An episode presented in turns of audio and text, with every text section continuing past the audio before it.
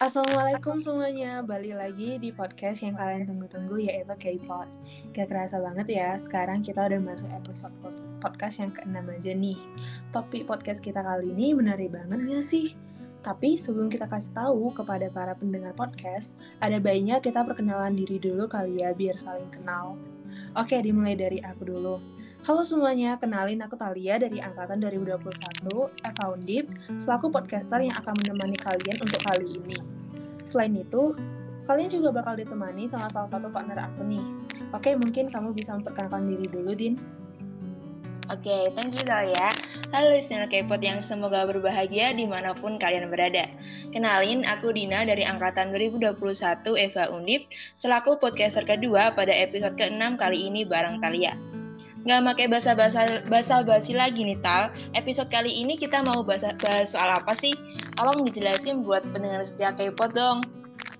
Jadi untuk podcast kita kali ini mungkin bisa dilihat ya dari judul kita itu yaitu leadership in internship. Jadi dari situ kita bisa ambil kesimpulan bahwa untuk kali ini kita bakal membahas tentang bagaimana sih dunia magang itu dan apa aja pahit dan manisnya. Mungkin gitu sih.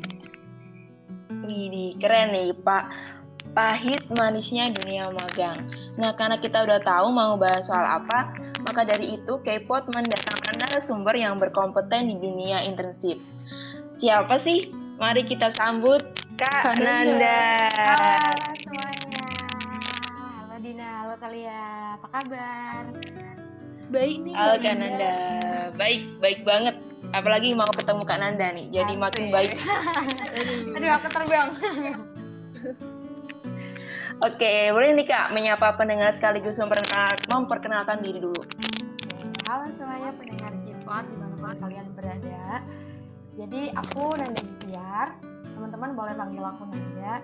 Aku dari Eva Undip angkatan 2019. Yeay! Eh, salam kenal Kak Nanda. Salam kenal. Oke, gimana nih? Kita mau bahas tentang apa nih? Mau oh. bahas tentang magang nih kak. Oh iya. Uh, sebelumnya aku ucapin makasih banyak dulu nih buat kak Nanda karena di tengah kesibukannya mau nyempetin buat berbagi ilmu dan informasi terkait magang buat kita semua. Terus tanpa membuang waktu lama lebih lagi, mungkin kita bisa beranjak ke sesi tanya jawab kali ya kak. Oke, boleh boleh. Yuk ta, mulai. Oke kak, jadi uh, kak Nanda ini kan tentunya udah pernah magang nih. Sebelumnya kakak tuh pernah magang di mana dan kapan ya kak? Oke, sebelum masuk ke aku jawab pertanyaan dari Italia, mungkin aku mau ngucapin terima kasih juga nih buat HRD ya yang udah ngajak aku buat seru-seruan di podcast episode kali ini. Iya bener banget Talia, aku pernah magang. Sebenarnya pengalaman magang tuh uh, uh, maksudnya pengalaman magangku tuh belum banyak ya, belum mungkin nggak uh, kayak teman-teman yang lain yang aku lihat tuh teman-teman aku tuh jauh lebih banyak tuh pengalaman magangnya tapi seenggaknya aku pernah satu dua kali ikut magang. Jadi uh, untuk magangnya sendiri aku pernah sekali. Itu kemarin waktu semester uh, liburan semester 5 mau ke semester 6 nah sebelumnya juga aku pernah ikut. Sebenarnya bukan magang sih itu lebih kayak volunteer volunteer gitu. Tapi uh, bisa juga sih dibilang buat ya latihan untuk sebelum ke dunia kerja gitu. Nah aku bakal bahasnya untuk magang yang terakhir kemarin yang di liburan semester 5 gitu. Terus sih aku magang di uh, sebuah instansi di kejaksaan. Jadi karena waktu itu aku masih di Banjar, masih di Banjarnegara tempat tinggal aku, aku memutuskan buat uh, magang di Kejaksaan Negeri Banjarnegara gitu guys selama kurang lebih satu bulan lah gitu Oh keren magangnya itu dilakuin secara WFO atau WFO nih kak? Uh, magangnya sendiri secara WFO jadi aku emang benar-benar kayak datang ke sana mulai dari jam setengah delapan sampai pulang nanti jam empat ya kayak pegawai-pegawai sana gitu Hmm. Tuh. Terus poin plus sama minusnya WFO tuh apa sih kak? Sebenarnya kalau dibilang plus minusnya menurutku lebih banyak. Kita tuh kayak ngerasain bener-bener feelnya magang tuh ketika kita bener-bener ketemu sama orang-orangnya gitu. Apalagi Hmm. kan kita udah lama pandemi nih di rumah mulu kan. Bosan ketemunya laptop lagi laptop lagi gitu kan.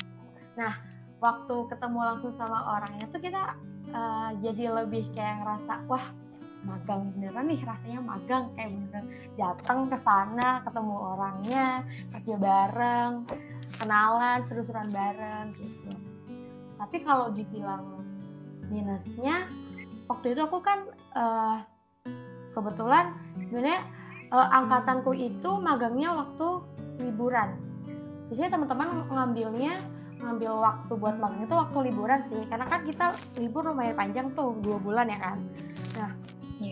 Kebetulan karena emang satu angkatanku tuh ngajuin magang semuanya jadi kan otomatis surat tuh surat izin magang mungkin numpuk ya di akademik. Jadi tuh punya aku tuh kayak telat gitu loh keluarnya ngajuin tanggal berapa eh keluarnya di bulan apa gitu. Nah akhirnya aku magang di bulan awal-awal kuliah. Justru kayak udah masuk kuliah tuh baru magang gitu loh. Jadi minusnya ya emang aku nggak terlalu optimal magangnya karena bakalan izin kan kayak misalnya jam 8 ada kelas nih aku izin sama jaksanya. "Eh, bu aku ada kelas nih jam segini eh, izin ya kayak gitu kan. Padahal kan kita nggak tahu ya kerjaan di sana kan kadang jam 8 ada pemeriksaan saksi atau apa dan sebagainya. Jadi kadang itu aku sedihnya di situ sih minusnya di situ sih karena kebetulan aku magangnya waktu emang bener-bener kayak nyambi kuliah gitu sih. Tapi selain itu asik sih Wih, oke oke, makasih kak. Eh, lanjut tal. Nah kan kalau tadi itu kan eh, yang di kejaksaan itu bisa dibilang itu motivasinya dari diri Kak Nanda sendiri. Ah, Nah untuk eh, mencari infonya itu kakak sendiri dapatnya dari yang udah diberikan atau disediain dari pihak kampus atau kakak cari sendiri itu Kak? Untuk yang kemarin ini aku eh, dari kampus bener-bener ngebebasin sih mau di mana kayak gitu kan. Terus aku milih di kejaksaan karena banyak review-review dari cutting tuh kalau di kejaksaan tuh kerjaannya banyak. Dalam hal kayak kalau kerjaannya banyak otomatis pengalamannya juga banyak dong yang kita dapat gitu. Nah informasi Hmm. itu aku aku langsung itu sih aku langsung eh, apply aja ke sana sih langsung ke sana. Terus bilang mau magang di sini gitu. tapi sebelum-sebelumnya kan aku pernah ngelamar magang juga kan apply magang di ya di startup terus di perusahaan swasta gitu. Cuma emang emang belum dapat belum dapat aja sih. Tapi biasanya aku nyari infonya tuh di Instagram atau di TikTok.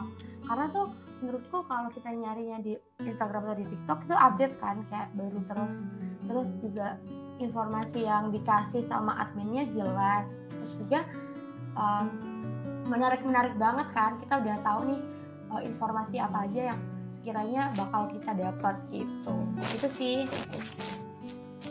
Oh, oke. Terus apa yang harus dipersiapkan untuk mencari kesempatan magang nih kak? Atau mungkin kayak berkas-berkasnya atau kayak gimana ya gitu kak? oke Uh, pertama banget kita pasti cari info tentang kita mau magang di mana kan kita sesuaiin nih sama mungkin jurusan kita uh, kemampuan kita kita passionnya di mana gitu kan. Untuk uh, kemarin sendiri persiapan berkasnya itu kayak hmm, ada transkrip nilai terus ada KHS juga sama surat izin dari kampus. Untuk berkasnya itu aja sih kemarin aku tapi biasanya tuh kalau di kalian nyari-nyari untuk kayak startup itu dari pihak startupnya bakal minta kayak CV terus kayak apa sih kayak sur apa sih eh, ya pokoknya kayak CV terus transkrip juga terus IP, IPK gitu itu aja sih kalau untuk berkas terus tadi skill ya Iya kak. untuk skillnya biasanya sih dicari pasti orang yang kayak punya kemampuan leadership yang bagus gitu ya. Terus aku juga ingat nih guys, aku pernah dengar di konten TikToknya Kak Vina. Kalau kalian tahu tuh Kak Vina yang sering banget bahas soal BUMN gitu loh, tips-tips wawancara, terus bikin CV dan lain sebagainya. Itu menarik banget kata dia itu berdasarkan suatu riset juga jadi ada empat skill yang dibutuhin di dunia kerja. Eh, empat dia empat itu ada yang pertama itu problem solving. Jadi dibutuhin banget nih uh, orang-orang atau sumber daya manusia yang dia jago dalam pemecahan masalah. Yang kedua ada self management jadi uh, dibutuhin juga nih orang-orang yang dia bisa ngontrol dirinya bisa ngatur dirinya untuk selalu apa ya ibaratnya kayak selalu bertumbuh selalu naik selalu punya kompetensi yang baru yang unggul gitu lah terus juga nggak kalah penting yang ketiga itu ada working with people. Jadi karena kita kan kerja di dunia kayak di dunia kerja di satu instansi atau perusahaan itu kan pasti kan kita uh, butuh yang namanya kerjasama kan. Jadi butuh banget nih skill buat working with people kita nanti bisa beradaptasi sama orang-orang yang ada di sana gitu. Yang keempat yang kekinian banget itu ada teknologi adaptation jadi seperti yang kita tahu kan uh, perkembangan teknologi udah pesat banget. Semua bisa diakses dengan mudah gitu kan. Teknologi jadi ngebuat hidup kita mungkin lebih mudah dalam berbagai aspek kayak gitu kan. Jadi diperlukan juga nih orang-orang yang uh, punya teknologi adaptation yang baik. Gitu sih. Itu penting banget sih dilatih dari kita maba mungkin ya. Jauh-jauh sebelum kita cari kerja dan magang tentunya. Gitu kali ya Dina oke okay, makasih kak. Ya gimana kalian? Uh, kan pastinya sebelum kak ya. Nah interviewnya sendiri itu biasanya pertanyaan-pertanyaan yang gimana ya sih kak? Ditanya terus apakah emang sesusah itu? Oke okay. langsung aku jawab ya.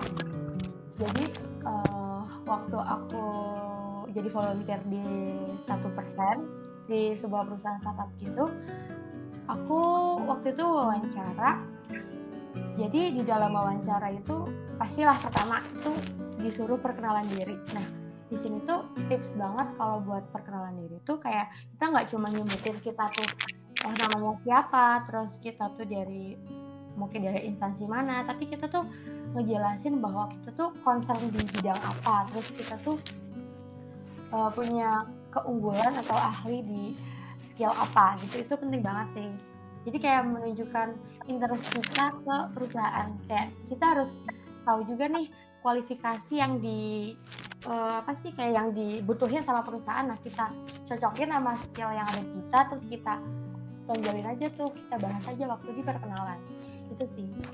Yang pertama itu perkenalan terus yang kedua biasanya tuh pasti ditanya kenapa uh, kamu apply magang di sini? Kayak gitu. Nah itu tunjukin juga interest kalian. Uh, tapi jangan sampai kayak lebay gitu sih. Tapi di kayak di cover pakai kata-kata yang baik cuma ya emang bener-bener keter ketertarik ketertarikan kalian tuh apa gitu. Sampaikan aja cuma emang jangan berlebihan sih. Itu yang kedua. Terus pasti yang bakal ditanya kelebihan dan kekurangan. Itu pasti banget. Pasti kita bingung kan ya kalau di kalau ada orang nanya kelebihan kamu apa kekurangan kamu apa pasti bingung kan? Nah itu ada tipsnya juga kalau kelebihan ya bisalah kita ngomong kelebihan ya kelebihan itu uh, aku misalkan punya komunikasi yang baik oh saya uh, punya skill manajemen waktu yang baik misalnya kayak gitu.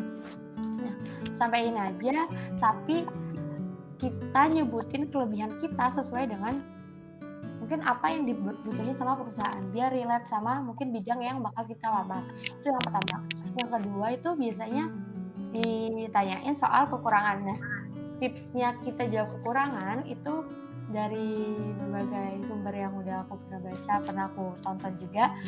Selain kita sebutin kekurangan, kita juga uh, tawarin atau kita sebutin juga nih solusi dari kekurangan kita. Misalnya kayak aku, aku kan orangnya kan gampang lupa kan.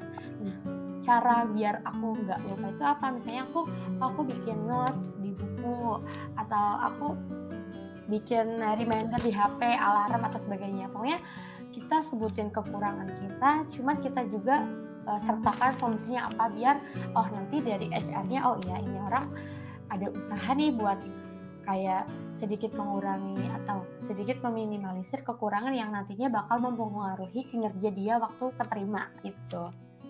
Terus juga biasanya ditanyain soal uh, tadi udah kerjaan kekurangan, perkenalan, alasan, terus komitmen. Biasanya ditanyain komitmen sih gitu sih. Kurang lebih kayak gitu ditanyainnya secara umum. Karena biasanya tiap bidang itu kan beda-beda kan. Ada yang mungkin kalau misalkan uh, jadi event moderator suruh praktek dan lain sebagainya gitu sih. Itu sih yang secara umum. Banyak juga ya kak terus menurut kak Anda tuh gimana sih cara buat ngatasi gugup tiba-tiba atau kayak tiba-tiba ngebuk nih nggak bisa jawab pertanyaannya apa gitu? Nah versinya kak Anda tuh gimana sih? Kemarin aku iya banget sih waktu interview itu aku sempet kayak gagap gitu loh kayak eh mau ngomong apa? Padahal udah kayak udah disiapin kan aku udah udah bikin uh, kayak skripnya kira-kira kalau ditanya ini jawabnya ini gitu kan. Nah cara aku buat menghindari itu kadang sebelum aku bingung jawab pertanyaannya aku minta suruh ulang si HR-nya buat uh, kak boleh diulang pertanyaan tadi apa ya? Kayak gitu. Itu sambil mikir terus kalau gugup bisa mungkin aku bakal kayak minta waktu sih kayak oh ya sebentar ya kak. Pasti kan sananya juga akan ngerti kan kalau ya emang interview emang bikin gugup gitu kan. Apalagi HR kan udah pengalaman banyak orang. Jadi itu sih aku pertama kadang bilang ke HR-nya kalau uh, boleh diulang pertanyaannya kayak gitu. Atau memang aku uh, minta waktu sebentar gitu buat kayak ngeyakinin diri aku lagi. Itu aja sih. Mungkin tips juga sebelum kalian wawancara selain uh, nyiapin kan otomatis kayak nyiapin kira-kira pertanyaan-pertanyaan apa sih yang bakal ditanya sama HR kalian bisa cari-cari sekarang di TikTok banyak banget kayak simulasi wawancara terus tips-tips jawab pertanyaan wawancara gitu kan. Selain itu kalian juga benar-benar cari informasi yang detail tentang perusahaannya. Soalnya biasanya ditanyain juga soal budaya dari perusahaan itu yang di kalian itu eh, cocok banget gitu. Itu sih. Terus juga supaya nggak gugup waktu wawancara, lebih baik kalian uh, mungkin dengerin musik sama kalian atau makan makanan yang menurut kalian favorit banget biar nantinya tuh semangat. Jangan lupa minta doa sama orang tua. Itu sih. Itu guys. Oke okay, thank you kak. Oke. Okay. terus nih kak Nanda uh, cara kak Nanda untuk membagi waktu itu gimana sih kak? Kan kemarin eh tadi tuh kakak bilang um, pas kakak apply untuk magang itu pas bersamaan dengan pertama kali masuk uh, kuliah. Ya. Dan ya. itu kan tentunya Kak Nanda kan juga ada ikut organisasi dan banyak kegiatan di luar itu kan Kak. Biasanya cara untuk manage time itu gimana sih Kak?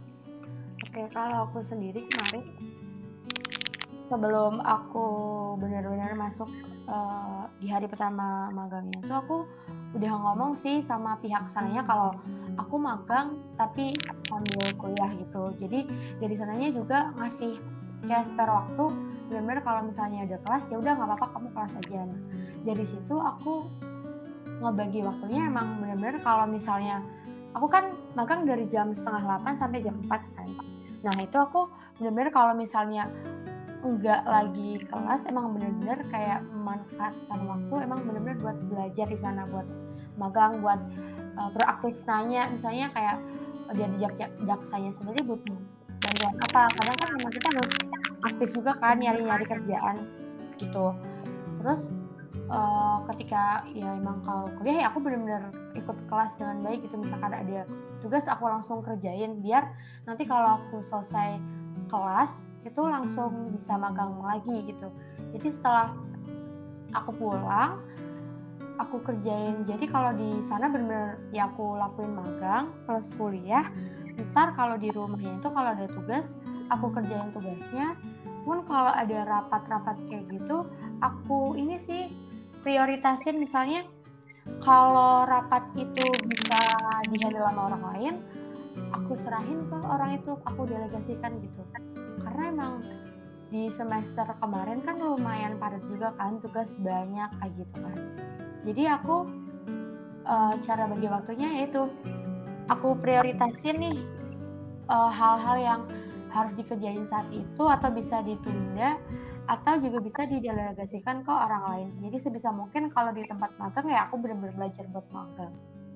Kalau kuliah benar-benar aku gunain buat kuliahnya biar sama-sama dapat kayak gitu sih. karena aku tipe orang yang nggak bisa multitasking harus fokus satu-satu gitu jadi mending di fokusin satu biar nanti yang satunya bisa dapat juga bisa kayak gantian-gantian gitu gitu Talia Oke kak, um, waktu di kejaksaan itu kakak kebagian job desk apa itu kak? Uh, program magamnya itu kayak ngapain aja, terus um, yang paling berkesan tuh apa kak Nanda? Oke, untuk yang pertama uh, job desk ya. Jadi aku yeah. ditempatin di uh, bidang uh, pitsus pidana khusus. Jadi waktu itu lagi ada kasus uh, korupsi juga waktu itu. Benar-benar masih di awal banget masih di pemeriksaan saksi. Jadi di situ aku ikut serta aku dikasih kayak tugas buat waktu itu uh, karena baru pernah belajar ya. Jadi aku di situ disuruh ikut proses uh, pemeriksaan saksinya biar tahu nih cara oh etika jaksa buat nanya-nanya waktu pemeriksaan saksi gimana sikap kita gimana. Kalau misalnya si saksi ini ditanya kok malahan melebar ke mana-mana jawabannya? gitu. Gimana sketnya gitu. Aku belajar dari situ. Kemudian aku juga dilibatkan waktu pemberkasan kayak pengumpulan uh, bukti-bukti terus nyusun buktinya itu ada apa aja karena waktu itu kasus korupsi banyak banget buktinya bener-bener sebanyak itu terus juga waktu itu aku ada juga selain kasus korupsi itu kemarin banyak kasus pencurian sama yang paling heboh itu ada pornografi. Nah, di situ aku uh, kebagian buat uh, bantuin bikin uh, surat dakwaan bareng jaksanya. Aku dibikin, aku disuruh buat ikut bikin belajar. Terus juga aku diajak juga ke lapas waktu itu ada perpanjangan penahanan juga.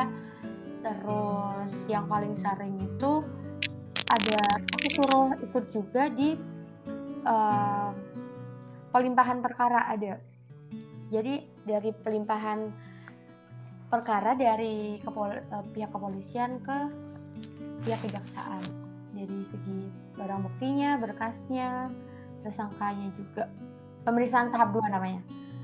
Itu seputar itu sih. Terus uh, lihat sidang juga. Walaupun waktu itu masih secara online tapi tetap boleh dibolehin juga buat uh, ikut lihat sidangnya. Malah dianjurin sih buat ikut uh, dalam sidangnya. Itu sih seputar itu. Aku banyak ban uh, cuma banyak bantu doang sih. Bantu-bantu itu buat belajar kan gitu. terus tadi uh, kesan dan pesannya ya? Eh apa sih yang berkesan ya? Iya kak oh ya Oke, jadi waktu itu uh, aku kesan pertama aku masuk ke bisnis kan awalnya aku takut kan karena kayak kelihatan itu orangnya tuh kayak serem-serem gitu kan. Karena waktu aku masuk ke situ emang bener-bener kayak kasusnya lagi banyak. Orang kan pasti kayak kerja tuh kayak sepanang gitu kan. nah, awalnya tuh aku dia kayak ngerasa aduh gimana nih? Mana senior semua kan? Kayak udah biasa kumpul bareng temen ini kumpul sama senior gitu kan. Nah ternyata setelah aku ngobrol-ngobrol orangnya tuh benar-benar asik banget. Kayak orangnya tuh bisa merangkul anak muda gitu loh. Jadinya aku nggak takut dan nggak canggung sama sekali. Yang tadi ya awalnya aku takut kan kayak ya gimana sih kita ketemu orang baru? Terus di suatu profesi yang benar-benar baru pernah ketemu pasti kan takut takut gimana kan? Tapi setelah ngobrol terus dikasih pengarahan ternyata orangnya asik-asik. Di situ ada lima orang. Cewek satu empat cowok. Itu orangnya asik-asik. Terus uh, aku jadi gampang beradaptasi juga di situ. Sekitar dua atau tiga hari udah nyambung ngobrolnya nah kesannya aku uh, uh, hal yang maksudnya aku berkesan banget di situ yang pertama yaitu orang-orangnya tuh asik gitu. Jadi aku belajar di situ pun dengan nyaman dengan enjoy tanpa kayak takut dimarahin lah takut disalah-salahin lah lah kayak gitu kan. Karena emang di situ tuh kayak benar-benar kalau aku misalnya belum paham sesuatu nggak dimarahin tapi malah justru dikasih arahan gitu loh e, gini deh bla bla bla bla bla bla gitu terus juga hal yang nggak aku lupain tuh sebenarnya ini rumah lumayan kesel sih pengalamannya gitu kan. Nah jadi tuh gini waktu itu kan aku tadi bilang kan ada empat uh, cowok satu cewek. Nah salah satu jaksanya tuh ada jaksa mudanya cowok. Nah kebetulan dari empat orang itu yang belum nikah kan dia masih muda juga sih. Ya untuk ukuran jaksa masih muda lah. Nah waktu itu karena emang dia tuh yang kayak salah satu orang yang ngarahin aku gitu loh. Jadi kan jadi kami deket kan. Nah ketika itu malah jadi timbul kayak gosip gitu loh gosip. Ya kalian tau lah akan mengarah ke mana gosip-gosip hmm. yang ya awalnya aku kayak B aja gitu. Kayak ya apa sih orang? Ya orang di sini niat mau magang ya kan? Ngapain sih di, di ini apa di gosip-gosipnya? Ternyata tuh semakin menjadi gitu loh aku pernah tahu di samperin nama jaksa yang bidang sebelah tuh di pidum pidana umum. Sampai disamperin gitu kayak ditanya-tanya kamu sama uh, jaksa ini ya? Deket ya? Hati-hati loh kamu. Bla bla bla kayak kayak aku tuh kayak dicurigai memiliki hubungan gitu. Kan oh. kayak itu itu membekas banget sih kayak kesel-kesel gimana gitu kan karena ya awalnya tuh aku biasa aja kan menganggap kayak oh mungkin bercanda kan. Ya mungkin ya biasalah orang kan ada yang bercanda gitu. Tapi tuh kayak malah diinin kayak malah banyak yang tahu gitu loh kayak malunya loh malu banget kan pasti kayak ya apa sih orang orang niatnya sih mau belajar gitu ya. Nah itu sih itu yang sebenarnya pengalaman yang cukup aku bikin kesal cuma ya itulah jadi ada cerita gitu sih. Itu sih. Biasanya orangnya asik-asik. Uh, biasanya pada saat hari pertama masuk uh, itu langsung kerja atau dikasih pengarahan terlebih dahulu kak? Oke, okay. jadi waktu kemarin aku hari pertama magang itu dikasih uh, pengarahan dulu kayak dikasih tahu nih bagian-bagian di kejaksaan itu apa aja bidangnya. Kan ada pembinaan, ada intel, ada pidana khusus, ada pidana umum, terus ada hatung juga gitu kan. Pertama itu dikenalin sih uh, tiap-tiap bidangnya itu uh, siapa sih kasihnya gitu kan. Siapa sih kepala bidangnya siapa aja terus dia tuh tugasnya mereka ngapain aja kayak gitu. Terus habis itu udah di, dikenalin bagian-bagian di kejaksaan ditempatin kan di bidang khusus aku kan di bidang khusus habis itu uh, disuruh perkenalan terus dikasih pengarahan sama jaksa yang ditugaskan buat jadi ibaratnya kayak pembimbing lapangan aku gitu. Dikasih pengarahan. Iya dikasih pengarahan gitu. Soal saya kalau magang tuh di sini bakal belajar apa aja terus disuruh juga kamu proaktif ya nanti kalau misalnya emang pada hari itu nggak ada kerjaan yang harus kamu kerjain kamu nanya aja misalnya pengen belajar berkas tinggal bilang aja ke jaksanya. Nggak harus kok uh, kamu sedang belajar berkas pitsus bisa kalau kamu tertarik tertarik di bidang lain kayak mungkin hatun tertarik di pidana umum boleh banget kamu uh, bilang ke jaksanya buat belajar.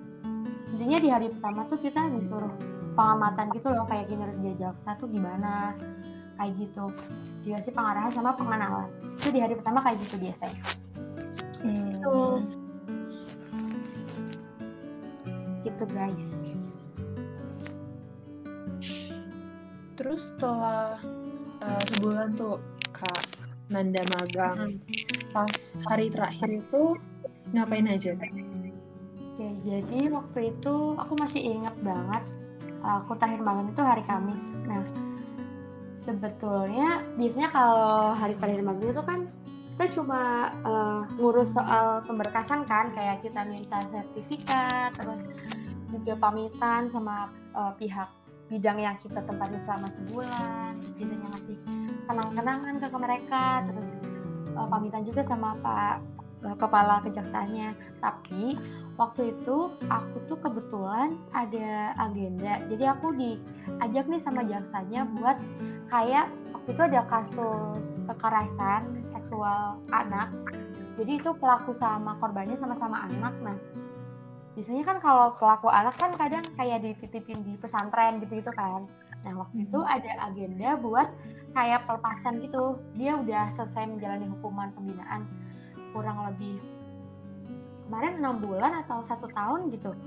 Jadi aku diajak tuh ke pesantren di dekat kejaksaan juga buat uh, acara pelepasan itu uh, anak si anak pelakunya. Itu. Hari terakhir aku itu sih sama ngelengkapin berkas-berkas yang perlu ditandatangani gitu-gitu. Itu di hari terakhir aku magang itu kemarin. Hmm. berarti uh, untuk makan-makan gitu gak ada kak? Uh, gak ada sih di drama tuh kan banyak gitu kan. Kemarin sempat makan-makan juga tapi nggak pas hari terakhirnya. Justru uh, aku seminggu sebelumnya tuh emang dari pihak sananya ngajakin makan-makan kayak barbekyuan gitu bareng-bareng hmm. habis olahraga gitu kan habis senam kan Jumat kan Jumat sehat itu kan kalau pagi-pagi senam Nah, habis makan, habis olahraga terus makan ya.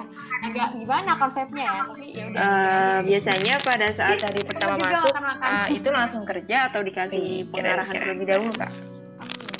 Jadi waktu kemarin. Uh, terus menurut Kak Nanda nih, benefit apa aja yang bisa kita dapat setelah dikasih tahu nih kayak gitu gimana kan anda kejaksaan itu apa oh. aja bidangnya kan ada okay. apa-apa pembinaan ada oke okay, makasih ya anda uh, menurut kan anda benefit apa aja yang bisa kita dapat setelah magang Uh, terus apakah setelah lulus peluang untuk ya, mendapatkan ya, panggilan dari tempat kita magang itu itu bakal lebih besar kan atau gimana? gitu kan. Siapa sih Jadi kalau ditanya siapa aja? banyak sih benefit. Dia tuh tugasnya mereka ngapain aja. Yang pertama terus setelah kita jadi punya pengalaman bagian bagian pengalaman baru pasti dapat ilmu semakin kan di bidang khusus aku kan dia dapat relasi. Ya kapan kita punya kenalan perkenalan.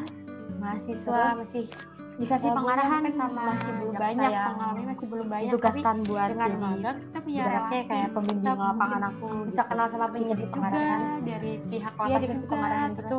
Dari kejaksaan kayak kalau kayak gitu. magang tuh di sini bakal belajar apa terus, aja terus selain pengalaman kamu proaktif ya nanti kalau misalnya ilmu. emang pada itu jadi ini sih menurut aku yang harus kamu kerjain punya skill aja, baru. kayak misalnya belajar kan, berkas aku sebelumnya kan kejaksanya belum pernah magang nih harus kok magang sana tuh kayak mau belajar berkas melatih terus bisa uh, skill kalau kamu tertarik, tertarik di bidang lain kayak sana kan hatun kalau di kejaksaan itu sendiri kan pidana umum boleh banget. ini kan bahas kasusnya kemudian wah kita di uh, bakalnya diarahin ke mana nih pasalnya pengamatan gitu loh kayak gimana berapa nih hukumannya kayak sih aku belajar di sih pengarahan sama pengarahan banget. Itu di hari pertama kayak gitu biasa. Benefit benefit yang kita dapat dari magang. Secara nggak langsung kita jadi gitu tahu nih sedikit tentang dunia kerja yang sebenarnya itu gimana terus setelah uh, sebulan tuh manisnya tuh gimana sih kalau emang magang. karyawan hari terakhir itu jadi pegawai. ngapain aja itu? Sih jadi waktu itu aku masih ingat banget. relasi aku terakhir magang itu hari Kamis. Nah sebetulnya oh, biasanya kalau juga ya, hari penerima terus ya, ini itu cuma pertanyaan uh, lanjutannya tuh setelah lulus kan, peluang untuk mendapatkan panggilan dari tempat magang itu tuh besar atau enggak sih? kayak uh, nanti kamu kalau lulus abis ke ke sini ya gitu gitu kak. Iya atau enggak kenangan ke mereka. Menurut aku iya karena juga sama di beberapa misalnya kita di startup kita atau perusahaan waktu itu kalau kinerja kita baik ya dalam agenda. Jadi aku di hal nih sama jaksanya gitu baik. kayak waktu itu ada kasus yang sananya bakal kekerasan otomatis kayak anak bakal jadi itu pelaku sama korbannya sama-sama anak nah oh ini biasanya kan kalau pelaku anak kan kadang kayak di sini pesantren baik gitu bakal kan. dipertimbangkan tuh ada peluangnya buat bakal kayak pelepasan. Gitu dia udah lagi kalau di kejaksaan karena di kejaksaan kan kita harus ikut CPNS dulu kan. bulan atau satu tahun dan bisa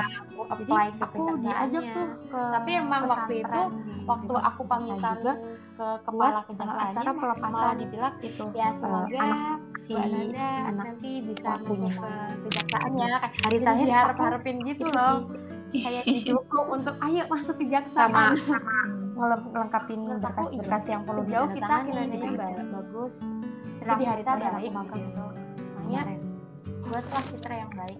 Hmm, berarti uh, untuk makan makan Ah.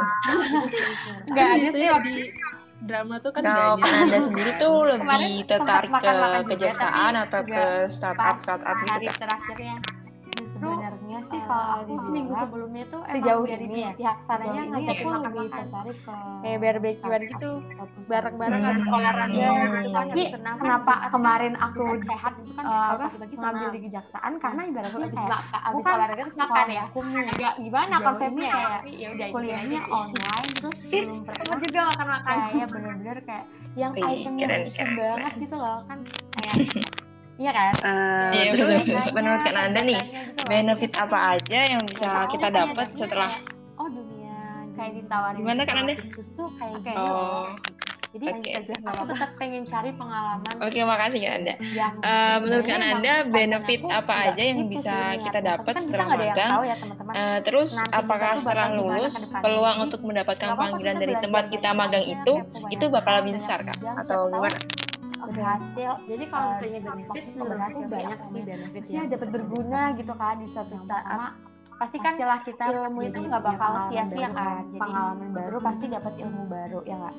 Terus kita dapat sendiri uh, pernah ambil magang kan? yang dibayar dan tidak dibayar masih labunya mungkin ya. masih belum Kalo banyak apply-nya aku belum banyak tapi beberapa kali dengan kita punya ya, relasi tapi emang belum dia mungkin bisa kenal sama penyidik juga. susah dari banget buat kota atas juga. apa bisa ngedapat kejaksaan emang menuju daerah itu gitu. emang benar ketat banget sih itu.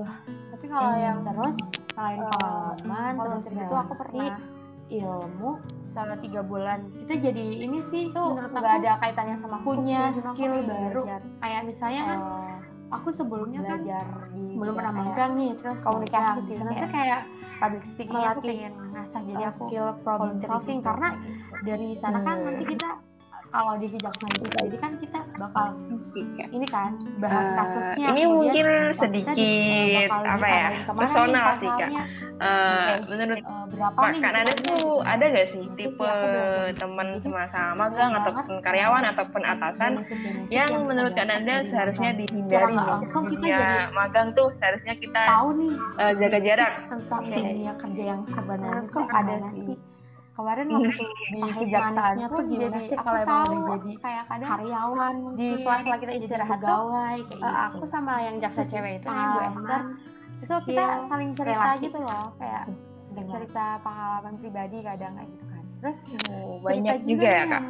terus ya, ini rada-rada juga pertanyaan lanjutannya ya. tuh setelah lulus peluang untuk mendapatkan panggilan dari tempat magang itu tuh besar atau enggak sih kayak orang -orang uh, eh, nanti kayak kamu kalau lulus abis ini ke ke sini ya, iya, gitu. gitu kak. ya atau enggak?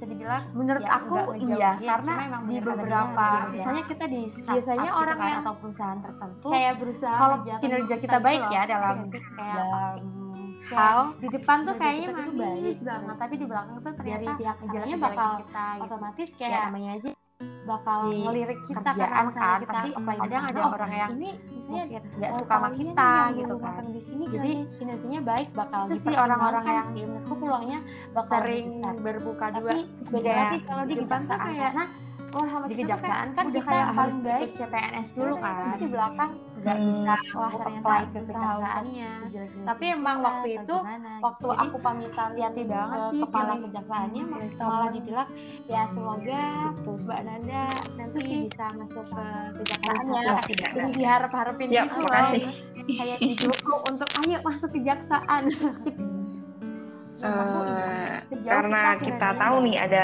pahit-pahitnya dikit uh, menurut pendapat Kak Nanda sendiri ya. tuh uh, harus atau enggak sih mahasiswa itu magang? Karena kita bawa hmm, nama okay. alma mater juga kan. Ini pendapat pribadi aku ya. kalau ya, kan? benar pendapat beda boleh banget. Kalau kan anda sendiri tuh lebih tertarik ke kejaksaan atau ke startup startup gitu kan karena apa? Sebenarnya sih kita kan tahu ya dari itu kita kan sejauh ini ya. sejauh ini aku lebih tertarik tentu aja startup. Pemesan jadi benefit itu hmm. jadi skill yang kita dapat kenapa kemarin aku banget nih? Waktu apa, kita ngambil beneran nih, ada karena bakal kayak tahu kan bakal ke sekolah hukum nih jadi sebisa mungkin ini kayak kalau kuliahnya online terus belum bener-bener kayak wah kayak mager banget sih. yang apalagi kalau liburan gitu loh itu kan lama banget ya dulu iya kan? Jadi iya, yeah, perdatanya iya gitu loh. Jadi aku pengen saya. kan tahu Mending, seenggaknya kayak cari oh, duit iya. ambil magang ya, gitu kan. justru kan ada tuh banyak yang berbayar jadi jadi aku tetap pengen cari pengalaman magang sih.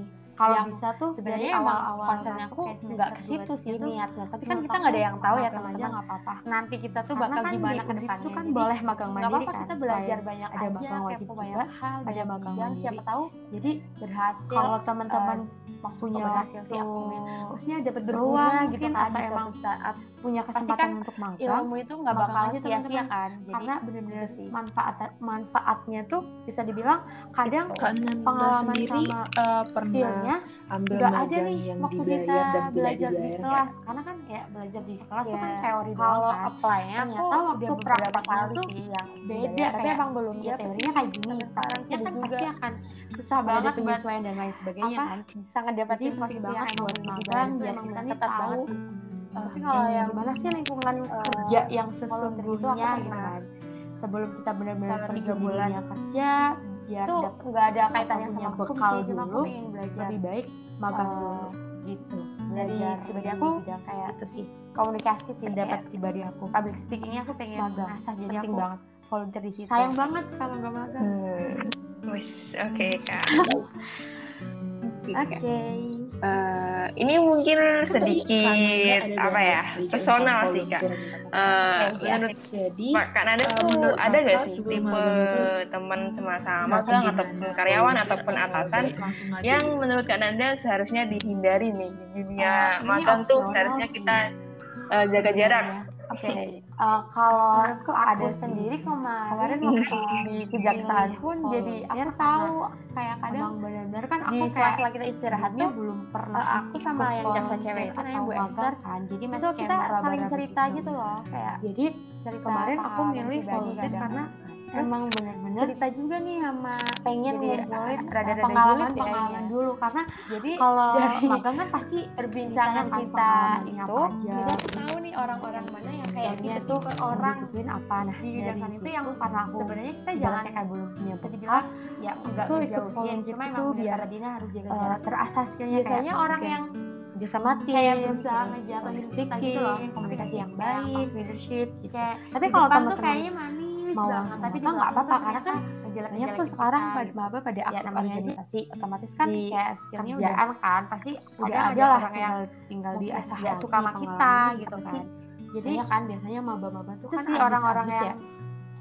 sering ya, berbuka panas sini sana sini ya di kan? sampai Iya. empat ya itu kan tuh kayak udah kayak banget yang paling baik dengan baik karena tapi benar-benar ternyata di banget belakang pas magang pasti bakal ditanya berusaha untuk Yes. dijelek-jelekin kita atau gimana Itu, gitu. jadi hati-hati banget sih pilih Pertanyaan terakhir nih ya. Nanda.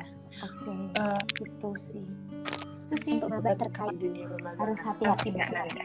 Oke, makasih. Jadi buat teman-teman maba nih, sebelum aku kasih Sip, sip. pesan, aku mau kasih Eh, ucapan selamat. Karena Selamat kita tahu nih ada pahit-pahitnya dikit yang- eh, menurut Ya, pendapat kalian sendiri kuat tuh ya dalam menjalani harus semua. atau enggak sih Tenang aja kalian magang? nggak sendiri kalau kalian oke butuh ini pendapat Mungkin. pribadi aku ya atau Iya, atau berpendapat apa beda segala boleh macam banget.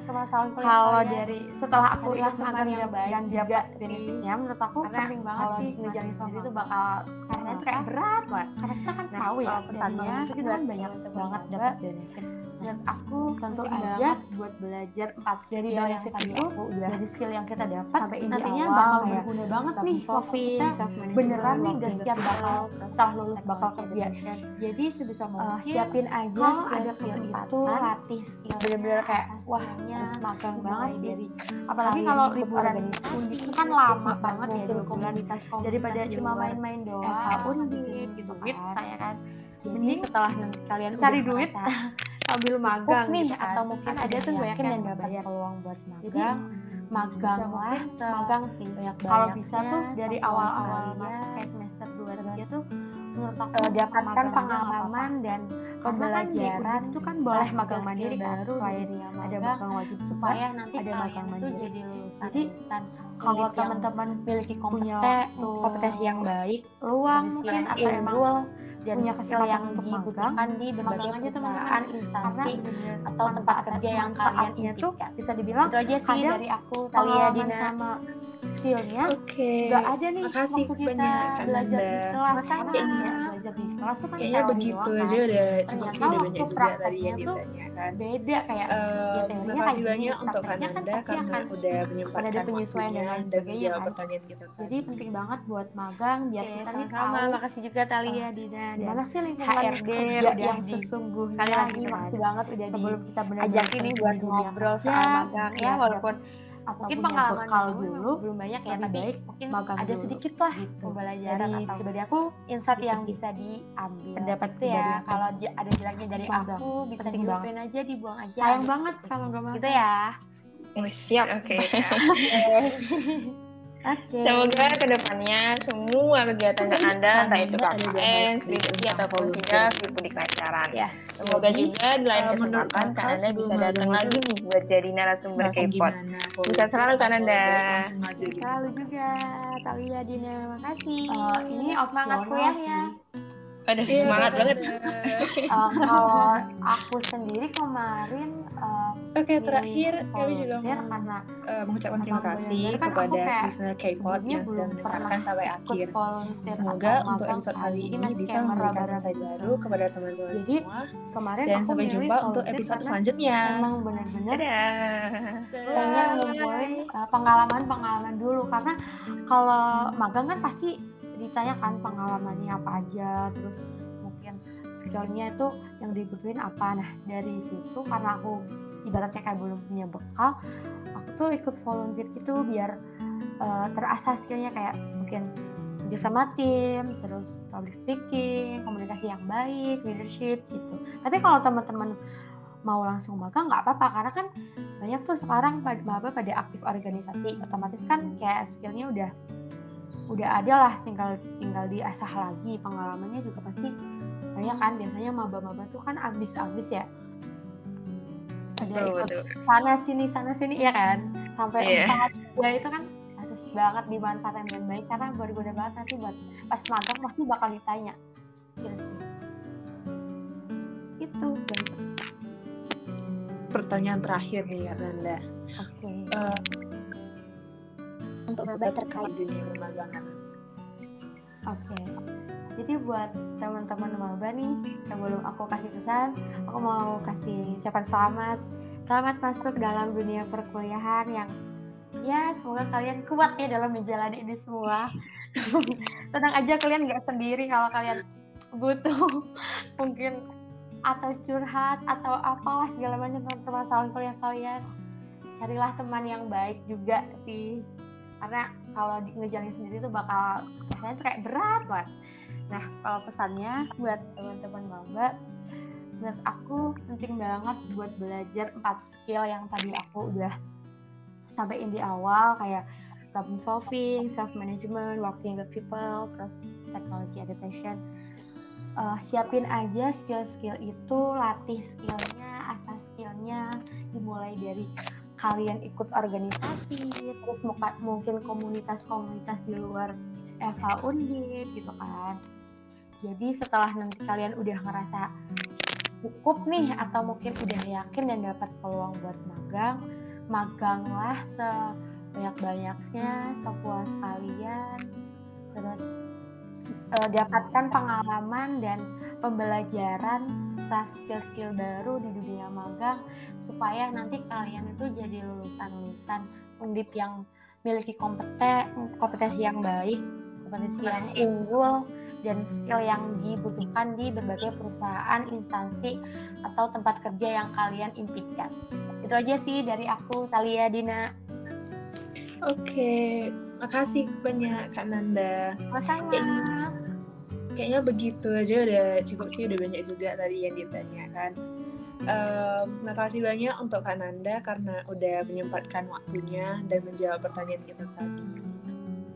Oke, sama-sama. Makasih juga Talia, Dina, dan HRD udah di sekali lagi makasih banget udah diajakin nih buat ngobrol soal magang ya walaupun mungkin pengalaman magang gue memang belum banyak ya tapi mungkin ada sedikit lah pembelajaran atau insight yang bisa diambil gitu ya kalau ada jeleknya dari aku bisa dilupain aja dibuang aja ambil positifnya gitu ya Eh, siap.